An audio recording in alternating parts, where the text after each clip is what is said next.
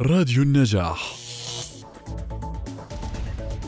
يستضيف مركز ورود الشمس لتنمية قدرات الأطفال في منصته التوعوية محاضرته الواحد والستين بعنوان حكاية عطاء حياتنا لها معنى تقدمها السيدة انتصار عادل الخطيب وذلك يوم الثلاثاء الموافق الحادي عشر من كانون الثاني في تمام الساعة السابعة مساء بتوقيت الأردن عبر تطبيق زوم.